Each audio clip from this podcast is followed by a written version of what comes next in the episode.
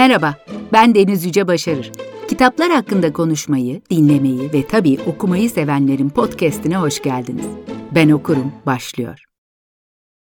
Fermina Daza, sunağın yanındaki insanların büyük çoğunluğunu selamladı.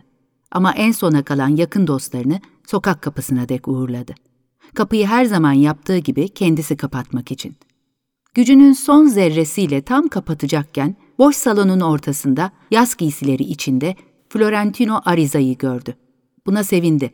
Çünkü onu yaşamından çıkaralı yıllar olmuştu ve vicdanı unutuşla arınmış olarak ilk kez görüyordu onu.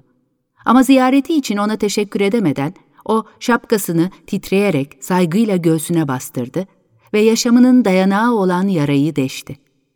Fermina dedi. Sana sonsuz bağlılık ve bitmeyen aşk andımı bir kez daha dile getirmek için yarım yüzyıl bekledim bu anı.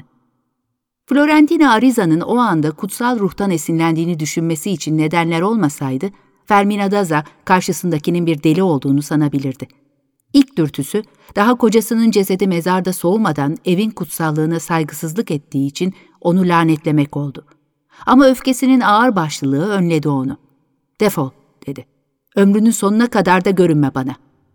Kapatmak üzere olduğu kapıyı geri dönüp ardına dek açtı. Umarım az kalmıştır, diye tamamladı sözlerini.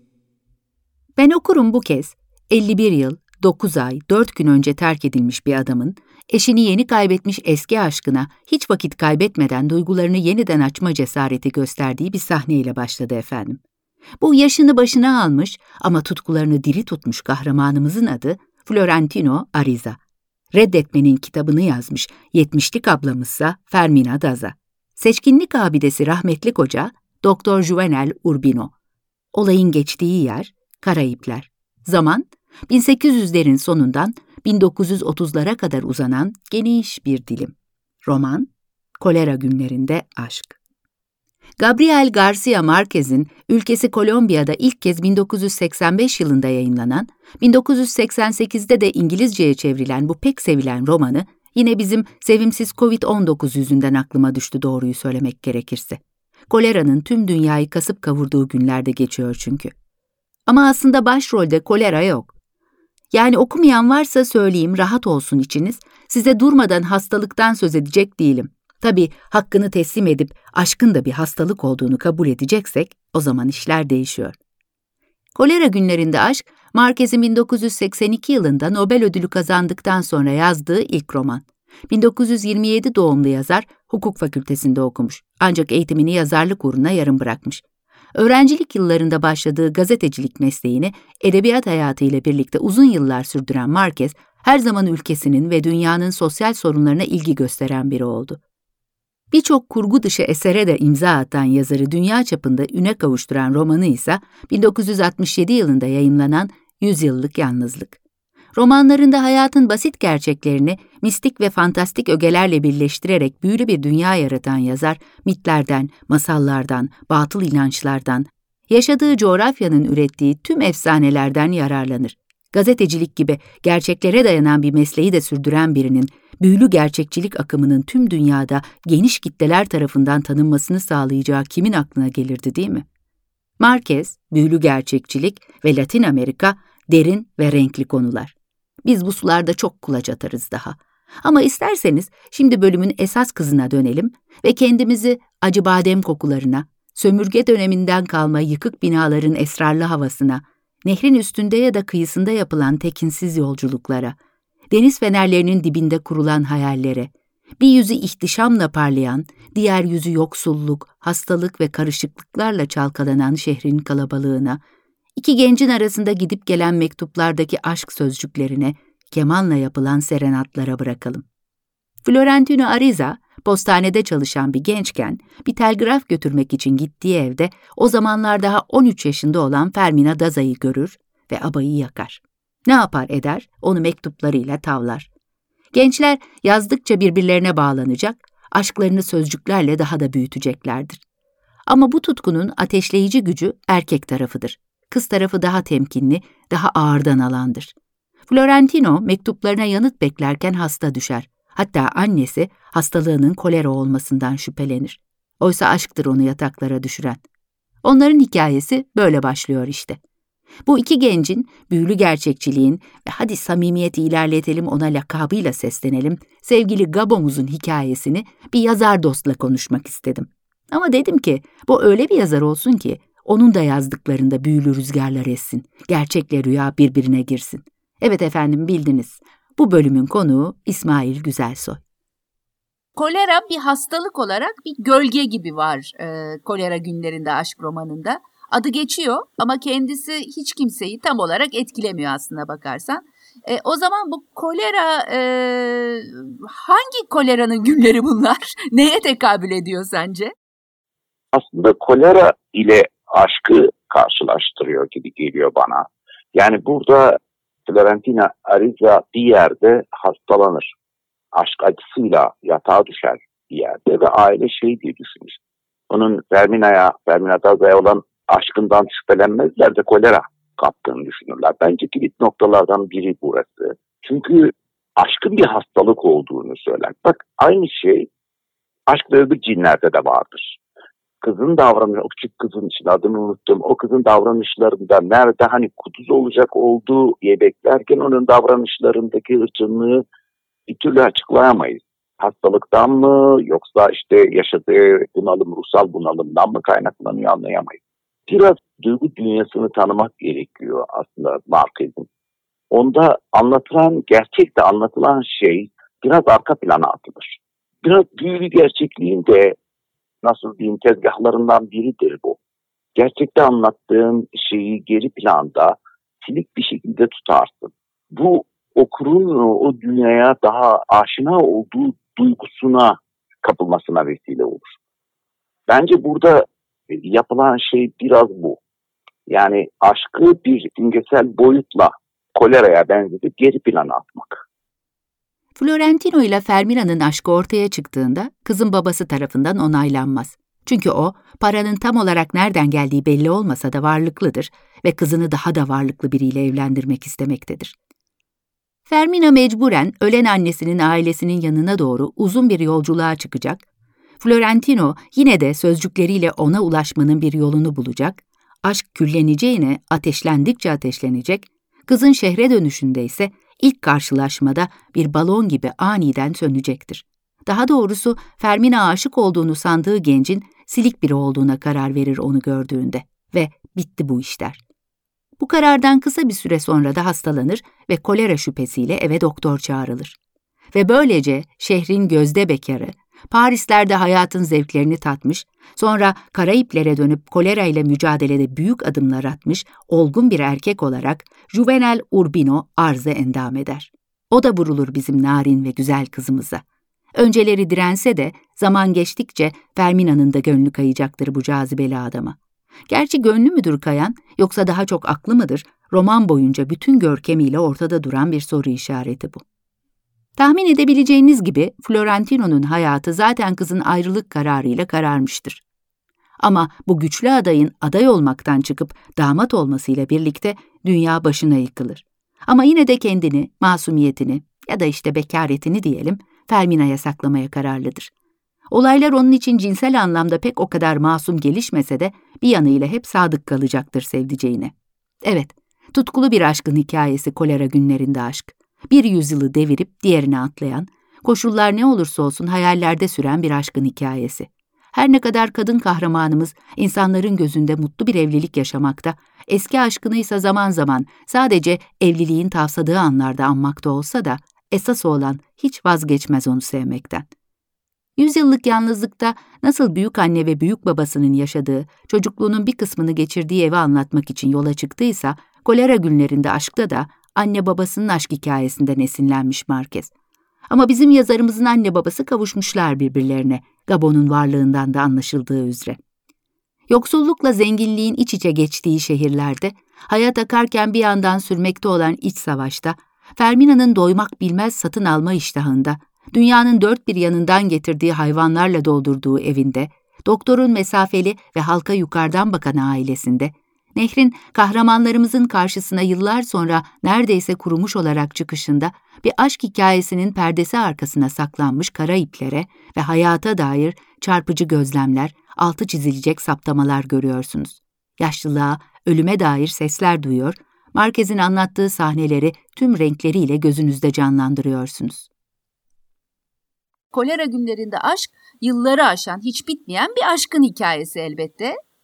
Ama bu hikayeyi anlatırken e, hiçbir şeyin göründüğü gibi olmadığının, hani insanoğlunun yok ettiği doğanın, mal mülk tutkusunun, yaşlılığın, ölümün sesine vurgulu bir şekilde yer veriyor Marquez öyle değil mi?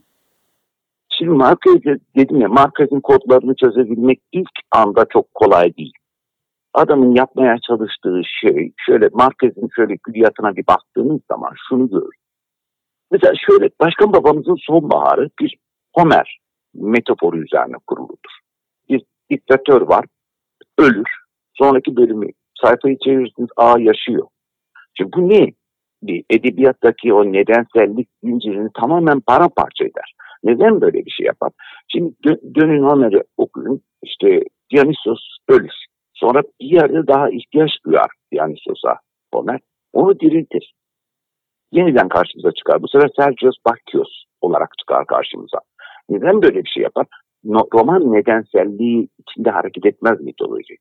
Şimdi bütün halk söylenceleri, mitler, şunlar bunlar, masallar büyülü gerçekliğin evrenidir. Dolayısıyla buna yakın duran bütün edebi akımları, türleri kullanmıştır Marx. Şimdi aynı şekilde Kırmızı Pazartesi'ye bakın. Daha ilk cümlede bu adamın öleceğini söyler. İlk cümle, romanın ilk cümlesinde söyler. Bu da tragedya kalıbıdır. Klasik e, tragedyanın şeyidir. Bir insanın öleceğini, dramla tragedya arasındaki temel fark biliyorsunuz budur. O insanın öleceğini bilirsiniz. Tragedya kalıbını çok zordur yazmak. Yani biraz aslında challenge yapar. Ondan sonra 100 yıllık yalnızlığa döndüğünüz zaman aynı şeyi görürsünüz. Bir halk söylenceleri, masallar, şunlar bunlar gerçek hayatın, gerçekliğin birer parçasıdır, birer uzantısıdır. Şimdi burada kolera günlerinde aşkta ise aslında biraz 1940'ların 50'lerin melodramları kalıbına oturtmuştur hikayesini. Yani bayağı bildiğiniz zengin kız. Ya şu hikayenin bir özetlerseniz birine, okumayan birine e, bildiğiniz yerli film e, çıkacaktır. Adam e, kızla evlenmek istiyor. Baba olmaz diyor. İşte benim e, serseriye verecek kızım yok diyor. Doktor Ferit'le evlendirir kızını. Değil mi? Yani 50 yıl geçer sonra senede bir gün filmini hatırla. Bu kalıbı kullanır. Yani bir klişeyi alıp onu büyülü gerçeklikle yeniden işleme. Yani Marquez'in en iyi yaptığı işlerdendir ve gerçekten gerçekten çok doyurucudur. Yani basit bir kalıbı alıp onu yeniden işlediği zaman güncel ihtiyaçları, insanların duygusal ihtiyaçlarını doyuracak şekilde gerçek sıkı bir edebiyat haline getirebilmesi muazzamdır. Zaten Marquez'in en büyük gücü de budur ve burada da yani kolera günlerinde aşkta da bunu çok daha iyi yaptığını düşünüyorum. Çok yoğun metindir. Çok basit hikaye üzerine yoğun bir metin işlemiştir. Orada basit bir aşk hikayesi de arka planında aydınlanma yani Latin Amerika'daki uçu Doktor Urban e, karakterimize bu aydınlanmacı aydın dine dair inanılmaz bir kimliktir aslında arka plana döşediği ya da işte Karayipler'deki o sefilliğe, o yoksulluğa, yoksulluğa dikkat çekmesi. Bunlar arka planda o kadar hoş bir dekor yapar ki aşk hikayesi aslında burada birinci hikaye değildir. Aşk orada bir simgedir aslında bir anlamda. Florentino Ariza kendisi gibi suskun, çelimsiz, üstelik başka bir çağdan kalma bir yaşlı adam gibi giyinen bir erkek için inanılmaz yöntemler geliştirdi. Ama iki üstünlüğü vardı. Biri, kalabalığın içinde bile olsa bir kadının kendisini beklediğini ilk bakışta hemen anlamasıydı. O zaman bile sakınımlı bir biçimde kur yapıyordu ona. Çünkü geri çevrilmekten daha utanç verici, daha aşağılayıcı bir şey olmadığını duyumsuyordu. Öteki üstünlüğü, kadınların onun aşka susamış bir adam, bir sokak dilencisi olduğunu hemen anlamalarıydı. Dövülmüş köpek aşağılanmışlığı, iyilik etmenin iç erincinden başka ondan hiçbir şey istemeden, hiçbir şey beklemeden, kayıtsız şartsız boyun eğmeye itiyordu onları. Biricik silahları bunlardı. Bunlarla önemli ama tam bir gizlilik içinde savaşlar verdi. Bir noter titizliğiyle birçok defterler arasında kolayca ayırt edilebilen şifreli bir deftere kaydediyordu onları. Her şeyi dile getiren bir başlığı vardı defterin. Kadınlar. İlk kaydettiği Nazare'nin dul karısıydı. 50 yıl sonra Fermina Daza kutsal hükümlülüğünden kurtulup özgürlüğüne kavuştuğunda 622 uzun süreli aşk ilişkisinin kaydedildiği yaklaşık 25 defteri vardı. Tek bir acıma sözcüğüne bile değmeyen sayısız gelgeç serüvenlerin dışında. Florentino abimiz iyi ki silik bir kişilikmiş değil mi? Ve iyi ki bir sadakat yemini etmiş. Yoksa korkarım dünya üzerinde hiçbir kadın kalmayacaktı. Deftere ya da daha net olmak gerekirse abimizin yatağına girmeyen. Ama onu da anlıyoruz tabii. Genç bir kızı sevdi. Tam evlenecek gibi oldu. Sonra pat diye yolda bırakıldı. Eh, defter de dolayısıyla biraz geç açılmış oldu. Var bir boşluk. Bu arada çok genç kızlar da giriyor hayatına. Evli kadınlar, dullar, müzmin bekarlar da. Seç, beğen, al. Florentino abinin defterdaşları bunlar. Detaya girmiyorum, onun büyük aşkına odaklanıyorum. Yoksa bölüm bitmez. Doktorla e, Florentino'yu iki roman karakteri olarak bir karşılaştırsak ve senin ağzından duysak. Urbino e, biraz şey aydınlanmacı, modernist diyebileceğimiz bir aydın tipi. Toplumsal sorunları dert edinen falan. Florentino ise nasıl diyeyim biraz romans peşinde, biraz e, aklı evvel, hafiften aklı evvel bir Şimdi bu bu da e, çok eminim bundan iddialı bir şekilde söyleyeceğim. Şimdi insanlık kültürü e, merkezin esin kaynağı bu iki karakteri oluştururken esin kaynağı aslında insanlık kültür e, tarihi. Apollon ile Dionysos arasında parçalanmış gerilimden beslenen bir süreçtir insanlık kültürü aslında. Tarihsel kültür yani bütün toplumsal üretim formasyonlarından bağımsız olarak bu iki figürün seçtikleri yol açısından geriliminden beslenir kültür. Ne demek istiyorum? Apollon her şeyi aklıyla çözer. E, zihinde işte, entelektin simgesidir Apollon. Dionysus ise esrikliğin, biraz şehvetin, biraz e, nasıl diyeyim hedonik bir kültürün simgesidir aynı zamanda. Şarap tanrısıdır adı üstünde. Fakat bu ilk görülen yan. Fakat daha ilginç bir şey var. Zaman içerisinde bunlar üzerine kafa yorarken bir şey fark ettim ben. Apollo'nun elinde bir lir vardır. Liriktir aynı zamanda. Akıl aynı zamanda lirle birlikte var. Yani aslında Dionysos'un alanına girer. Şimdi Dionysos'a baktığınız zaman biliyorsunuz e, Helen e, tapınakları, Roma tapınakları falan e, kutsal alanlardır aynı zamanda. O kutsal alanda bir tek tapınak, sunak özür dilerim Dionysos'a adanmıştır. Yani aklın merkezi olan estetiğin merkezi olan yerde aynı zamanda Dionysos'un da bir sunağı var. Yani aslında estetliğin içerisindeki akıl da burada gizlidir. Şimdi Marquez tam olarak bu kalıbı, bunu düşünmüş müdür? E, Marquez bu işlerle çok ilgili bir adamdı. Biliyorsunuz muhtemelen Florentina ve e, Urbino'yu oluştururken bu kalıbı kullandı.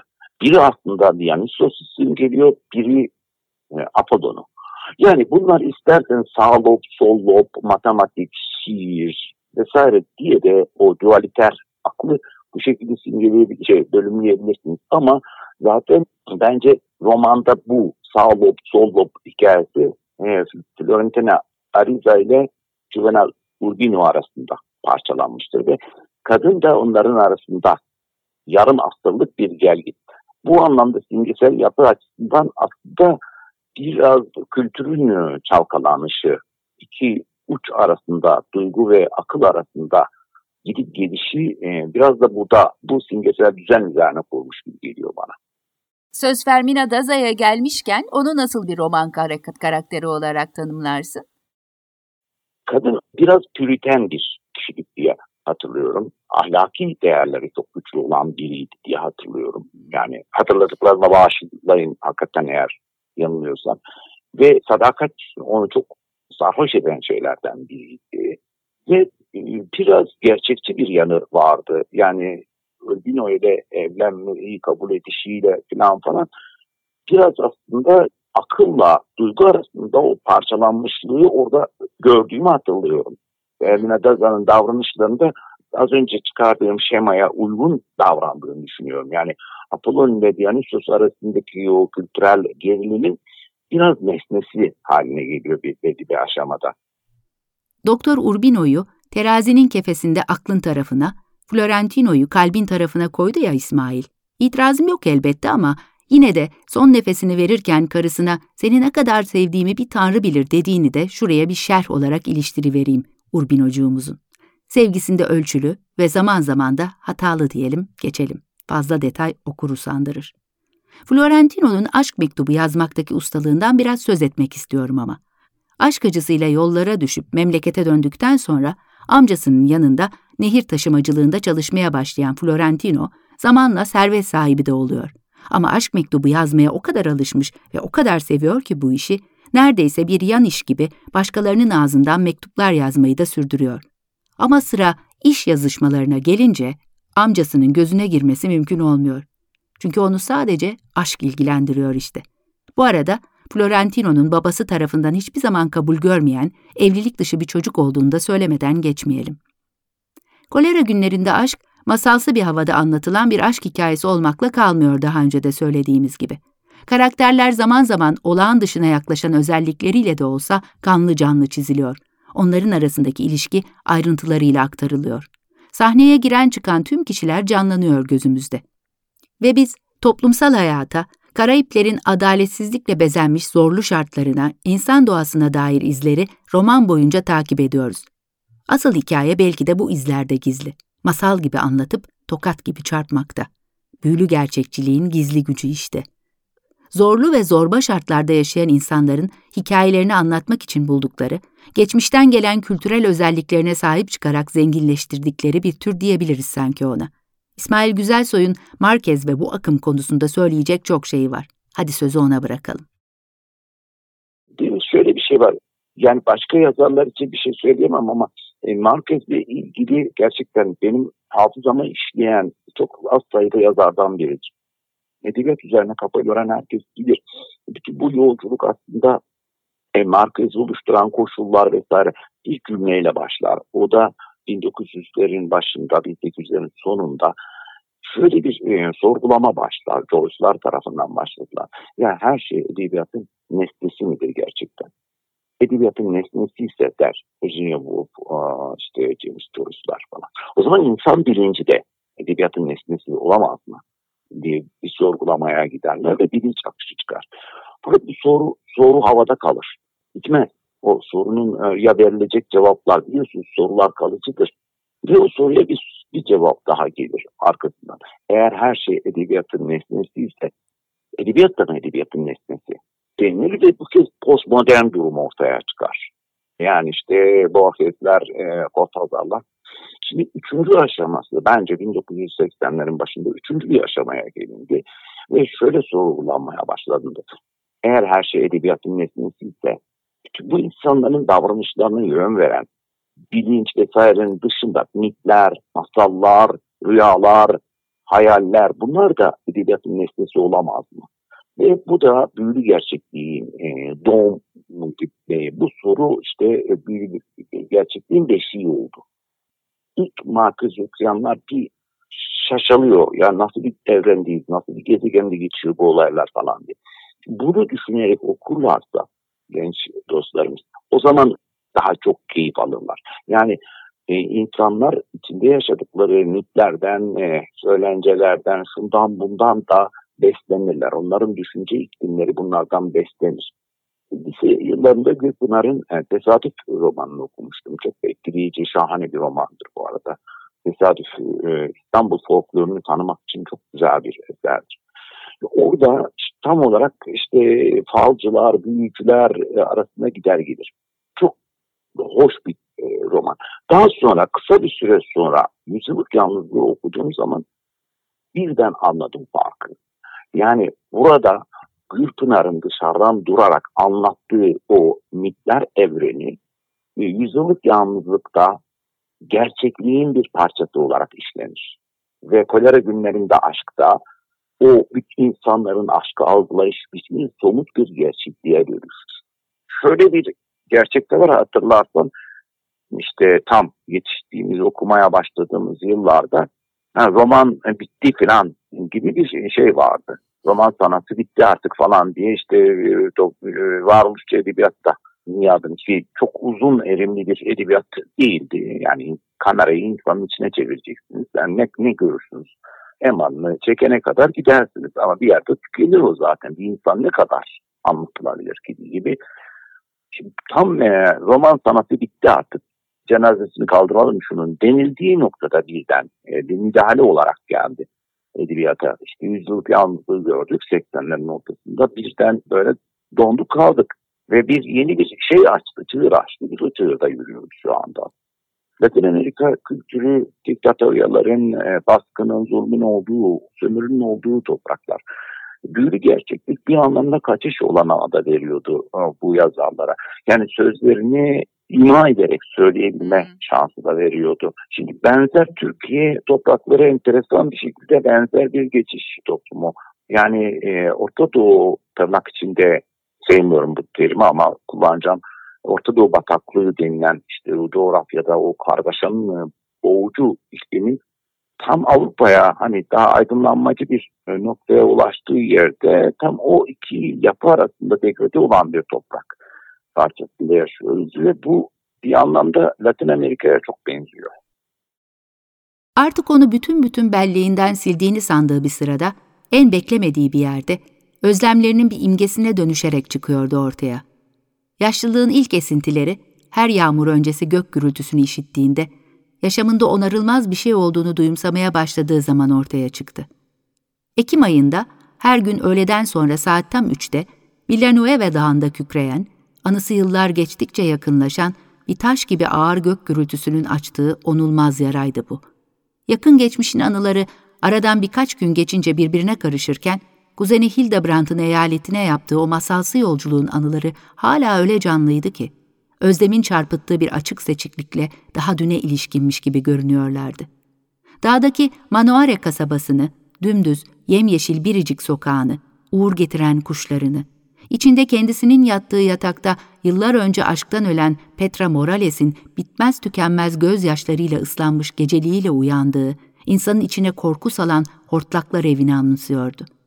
Guayabaların bir daha hiç duymadığı eski tadını, sesi yağmurun sesine karışan yürek çarpıntılı ön sesilerini, San Juan del Cesar'ın o topaz sarısı öğle sonlarını anımsıyordu. Yeni yetmeliğin acısına, ıssız parkın balkondan görünümüne, sıcak gecelerde gardenyaların gizli kokusuna, yazgısının kararlaştırıldığı o Şubat öğle sonunda yaşlı hanımefendi portresinin yarattığı korkuya dayanamadığı için babasının evini elden çıkardı. O günlere ilişkin anılarını nereye yöneltse, Florentino Ariza'nın anısına takılıyordu. Ama bunların aşk ya da pişmanlık acıları değil, gözlerine yaş getiren tatsız bir şeyin imgesi olduğunu anlayacak kadar serin kanlılığı vardı her zaman. Florentino Ariza'nın birçok kurbanının farkına varmadan içine düştükleri tuzağın onu tehdit ettiğini bilmiyordu. Büyülü gerçekçilik akımı ile ilgili ben başka söz söylemek istemediğime karar verdim. İsmail'in anlattıklarının üstüne ne desem olmayacak şimdi. Tekrara düşmeyelim. Sözü romanımıza bırakalım dedim. Ne de olsa o sözler bizi büyüleyip başka dünyalara götüren. Roman okumanın en güzel yanlarından biri de bu değil mi? Sürüklenip gitmek. O dünyadan bu dünyaya dolaşıp durmak. Yazarların yarattığı o evrene müteşekkiriz efendim. İyi ki varlar. Biz onlarla bu dünyanın tüm çirkinliklerine dayanma gücü buluyoruz sanki. Onlar da birbirlerinde yaratma gücü buluyorlar birbirlerinden besleniyorlar. Sen Marquez'i bir yazar olarak kendine e, bayağı yakın buluyorsun değil mi? Büyülü gerçeklik benim çok sık kullandığım tool'lardan biri. Büyülü gerçeklik yazıyorum diyemem ben. Ama yani büyülü gerçeklik benim herkes gibi benim de ufkumu açtı.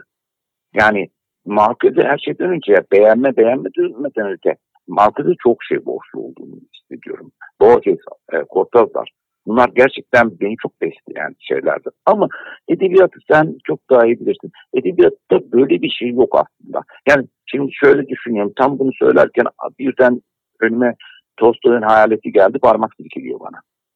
Şimdi sen Tolstoy okumazsan sadece Marquez okuyup e, bir yere varamaz. Ee, dediğin şu anlamda çok doğru. Marquez şu, şu son vardığımız noktada e, ben de benim gibi yazarlar için e, bir öz suyudur hakikaten. Gelse Gabo karşına otursa ne sorardın ona? Ben bir e, röportajda bu adama şey sormuş, niçin yazıyorsun diye. E, dostlarım beni daha çok sevsin diye yazıyorum demiş cevap olarak. Ona çok gıcık kapmıştım. İnsan, ya ben tabii kavga ederdim öncelikle de. Yani niye şu son işte bu önce ben inanmadım tabii. Yani böyle bu böyle bir roman mesela al Başkan Babamızın Sonbaharı. Öyle bir roman her cümlesi şiirdir yani. Böyle bir roman dostlar seni sevsin diye yazılır mı? Manyak böyle şey mi olur falan diye düşündüğüm bir şey.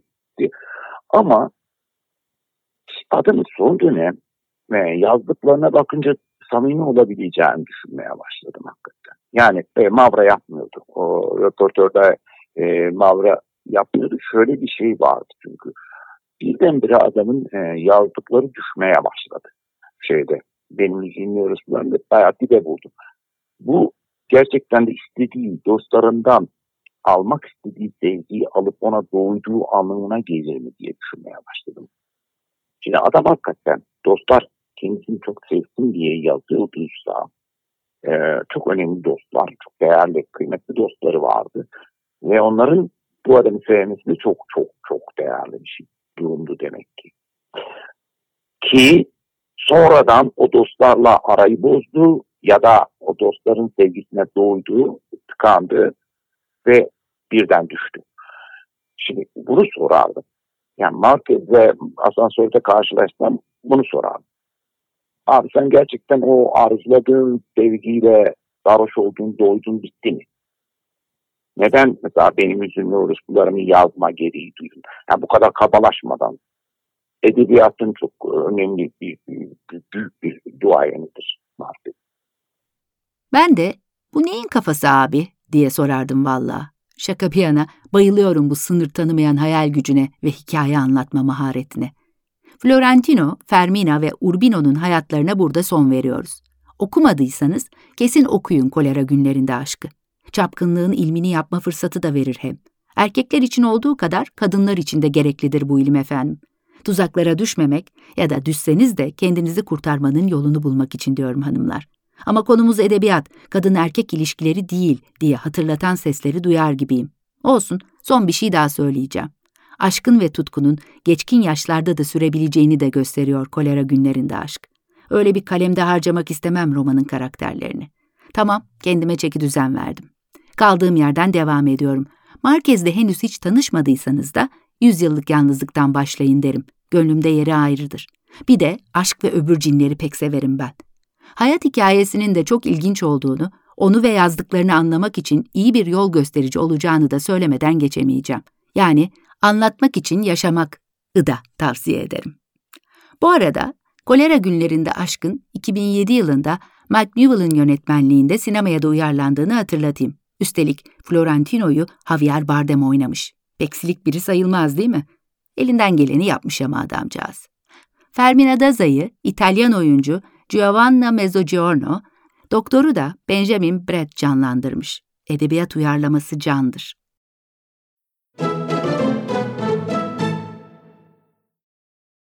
Bu bölümün esas kızı Kolera Günlerinde Aşkın ilk baskısı Can Yayınları tarafından 1989 yılında yapılmış. Çeviri Şadan Karadeniz'e ait. Sanırım şu anda 41 veya 42. baskıda. Yanılıyorsam düzeltirler. Can Yayınları yazarın 20'ye yakın kitabı içeren külliyatını yayınlamayı sürdürüyor. Yeni kapaklarını da çok beğeniyorum ben. Buradan Utku Lomlu ve ekibine bir selam ve tebrik çakalım. Sözünü ettiğimiz kitaplardan Yüzyıllık Yalnızlığın Çevirmeni Seçkin Selvi, Aşk ve Öbür Cinler, Benim Hüzünlü Orospularım ve Kırmızı Pazartesi'nin İnci Kut, Anlatmak için Yaşamağınsa Pınar Savaş. Bölüm konuğumsa her zaman severek okuduğum, Doğan kitaptayken yayıncısı olmayı başardığım sevgili İsmail Güzelsoy'du. Değil Efendi'nin renk ve korku meseleleriyle başlamıştık birlikte çalışmaya. Onun Doğan kitaptan çıkan Değmez, Gölge, Hatırla, Öksüz Ağaçların Çobanı adlı birkaç romanını da sayayım. Marquez tutkusuyla ben okurumu renklendirdiği için çok teşekkür ederim. Her hastalık tedavi edilebilir. Her salgın hastalıktan kurtulmanın yolu vardır.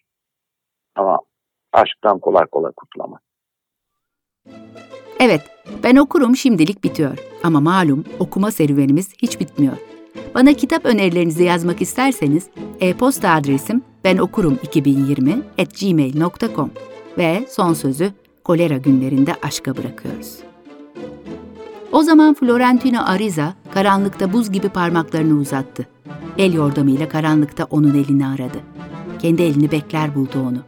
İkisi de uçup giden bir an içinde bu ellerin hiçbirinin birbirine dokunmadan önce düşledikleri eller değil, iki yaşlı, kemikli el olduğunun bilincine varacak denli ayıktılar. Ama bir an sonra düşledikleri eller olmuşlardı. Fermina Daza ölü kocasından söz etmeye başladı. Hala sağmış gibi, şimdiki zaman kipiyle. Florentina Ariza, onurla, yücelikle, önlenemez bir yaşama isteğiyle sahipsiz kalan aşkını ne yapacağını kendi kendine sorma anının onun içinde gelip çattığını o anda anladı.